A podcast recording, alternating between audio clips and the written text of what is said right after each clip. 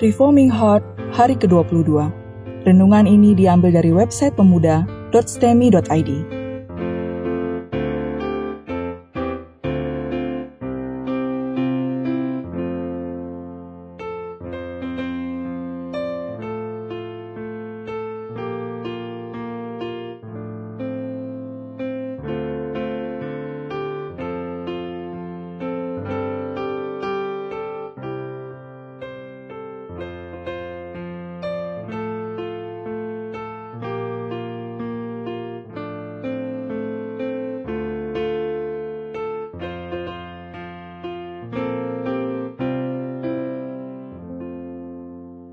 Tema renungan hari ini adalah kemenangan Daud.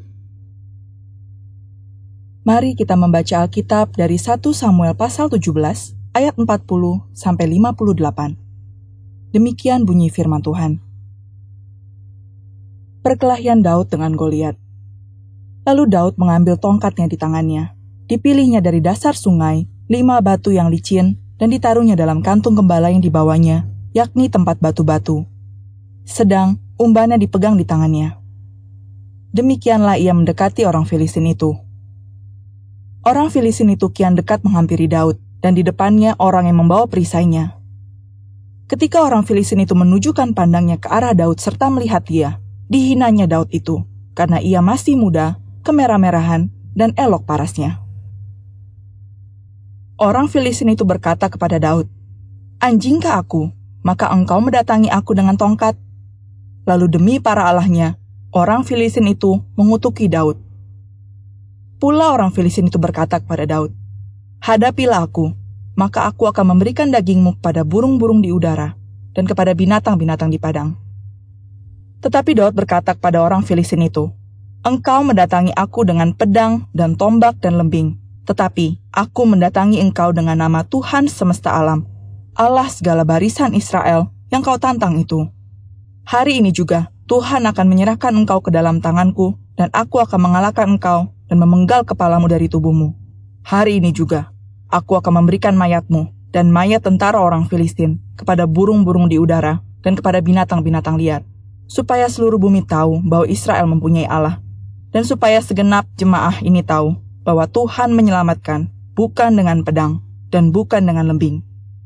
Sebab di tangan Tuhanlah pertempuran, dan ia pun menyerahkan kamu ke dalam tangan kami.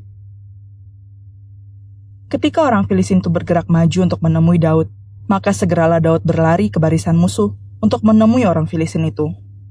Lalu Daud memasukkan tangannya dalam kantungnya. Diambilnyalah sebuah batu dari dalamnya, diumbannya. Maka kenalah dahi orang Filistin itu, sehingga batu itu terbenam ke dalam dahinya, dan terjerumuslah ia dengan mukanya ke tanah. Demikianlah Daud mengalahkan orang Filistin itu dengan umban dan batu. Ia mengalahkan orang Filistin itu dan membunuhnya tanpa pedang di tangan. Daud berlari mendapatkan orang Filistin itu, lalu berdiri di sebelahnya. Diambilnyalah pedangnya, dihunusnya dari sarungnya, lalu menghabisi dia. Dipancungnyalah kepalanya dengan pedang itu. Ketika orang-orang Filistin melihat bahwa pahlawan mereka telah mati, maka larilah mereka. Maka bangkitlah orang-orang Israel dan Yehuda, mereka bersorak-sorak lalu mengejar orang-orang Filistin sampai dekat Gad dan sampai pintu gerbang Ekron. Dan orang-orang yang terbunuh dari orang Filistin bergelimpangan di jalan ke Seraim sampai Gad dan sampai Ekron. Kemudian pulanglah orang Israel dari pemburuan hebat atas orang Filistin, lalu menjarah perkemahan mereka. Dan Daud mengambil kepala orang Filistin yang dipancungnya itu dan membawanya ke Yerusalem. Tetapi senjata-senjata orang itu ditaruhnya dalam kemahnya. Ketika Saul melihat Daud pergi menemui orang Filistin itu, berkatalah ia kepada Abner, panglima tentaranya. Anak siapakah orang muda itu, Abner? Jawab Abner, demi tuanku hidup ya Raja, sesungguhnya aku tidak tahu. Kemudian Raja berkata, tanyakanlah, anak siapakah orang muda itu? Ketika Daud kembali sesudah mengalahkan orang Filistin itu, maka Abner memanggilnya dan membawanya menghadap Saul. Sedang kepala orang Filistin itu masih ada di tangannya. Kata Saul kepadanya, Anak siapakah engkau ya orang muda? Jawab Daud, anak hamba tuanku Isai, orang Bethlehem itu. Mari kita merenungkan. Pasal 17 ayat 40 mengatakan bahwa Daud mengambil beberapa batu untuk menjadi senjatanya. Dia mempersiapkan lima batu dengan iman bahwa Tuhanlah yang akan berperang bagi dia. Dia tidak serta-merta hanya menyerahkan kepada Tuhan dan tidak melakukan apa-apa sebagai persiapan. Dia memilih lima batu. Jika yang pertama gagal, masih ada empat batu yang lain sebagai senjata.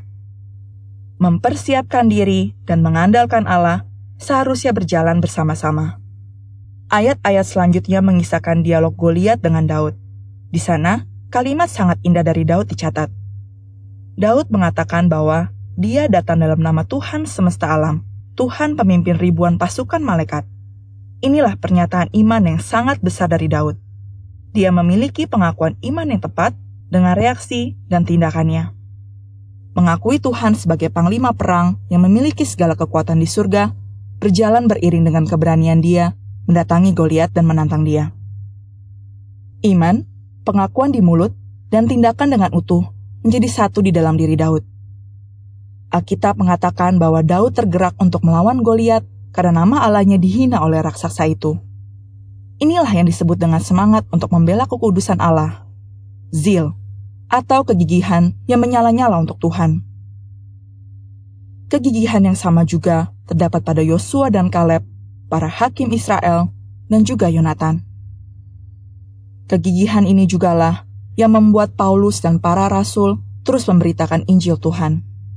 Di dalam seluruh Alkitab, tercatat orang-orang dengan kegigihan yang seperti itu.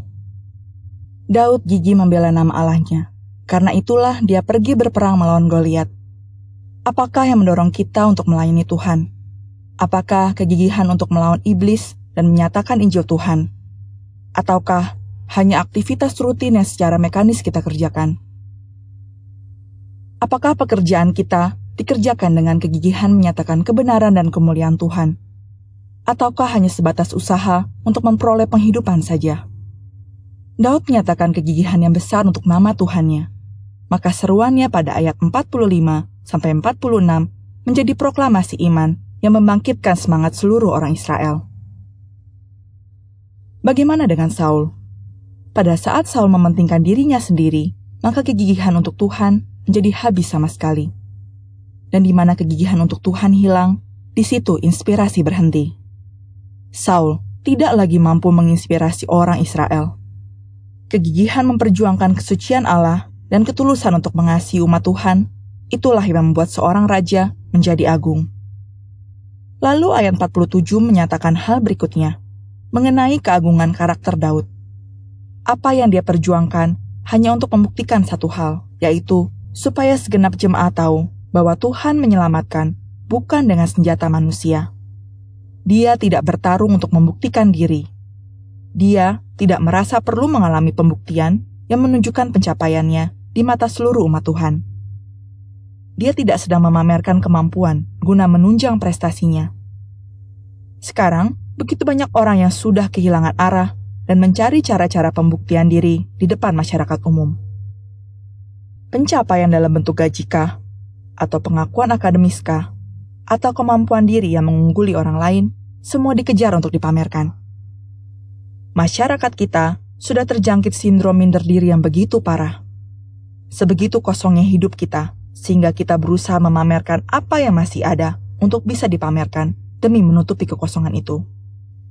Coba pikirkan hal ini. Apa yang ingin kita capai? Untuk apa meraih segala prestasi? Untuk apa memamerkan segala kemampuan finansial yang berhasil diraih? Seribu satu macam alasan dapat kita kemukakan, tetapi jangan-jangan segala pencapaian itu justru untuk menutupi perasaan kosong dan tidak berarti yang kita miliki. Keadaan akan menjadi semakin parah ketika hiburan kosong yang diberikan dunia untuk membuat kita merasa berarti telah kita terima dengan senang hati. Hiburan yang berusaha membuktikan bahwa kita memang berarti dan berharga. Apakah sebenarnya yang dapat membuat kita merasa berharga? Hanya satu, yaitu berhenti terlalu memerhatikan diri sendiri. Berhenti terlalu memikirkan apakah saya sudah dihargai atau belum. Berhenti terlalu mengasihani diri dengan menjadikan diri sendiri korban yang harus diperhatikan dan ditolong.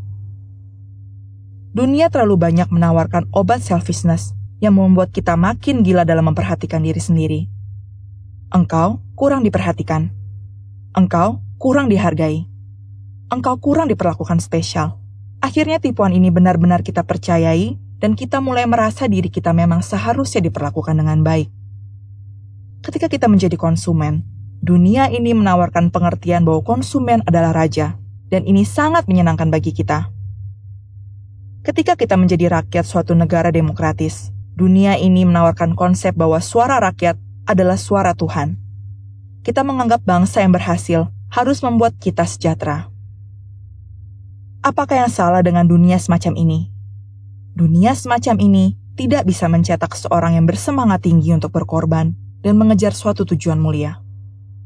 Dunia semacam ini tidak akan pernah bisa menghasilkan orang-orang yang bergiat untuk suatu tujuan di luar dirinya sendiri. Kita harus prihatin dengan keadaan kita dan seluruh masyarakat di negeri kita. Semua begitu mudah menyalahkan orang lain dengan ukuran kesalahan mutlak pada peraturan ini yaitu bahwa saya harus bahagia. Kalau saya gagal merasa bahagia, pasti yang salah adalah keadaan masyarakat, pemerintah, atau teori konspirasi yang menjatuhkan saya. Tetapi semua penyakit ini sebenarnya tidak akan sanggup mempengaruhi hidup seseorang bila dia bergiat bagi Tuhan dan bila keinginan terbesarnya hanyalah untuk meninggikan nama Allah. Pertanyaan seperti, seharusnya saya berbahagia. Mengapa saya belum berbahagia? Atau seharusnya saya diperlakukan istimewa. Tetapi mengapa saya dianggap sebagai orang biasa, sama seperti orang-orang lain? Tidak lagi menarik untuk dijawab oleh orang-orang yang bergiat bagi Tuhan. Dia tidak lagi menganggap perlu membuang-buang energi untuk hal yang baginya bukanlah prioritas sama sekali. Lalu apakah yang akan dianggap penting oleh orang-orang sedemikian? Orang-orang sedemikian mempunyai dorongan yang terus bersemangat bagi Tuhan sehingga dia lupa berjuang untuk hal yang lain lagi dengan kegigihan yang sama. Daud hanya menginginkan seluruh orang tahu bahwa Tuhanlah yang menolongnya. Itulah kerinduannya yang begitu besar. Maka Tuhan menyertai Daud. Daud maju dan membunuh orang Filistin itu dengan cara yang sangat tidak biasa di dalam peperangan. Ayat 50 mengatakan bahwa Daud membunuh Goliat tanpa pedang di tangan. Daud mengimani hal ini dan membuktikannya di dalam tindakan.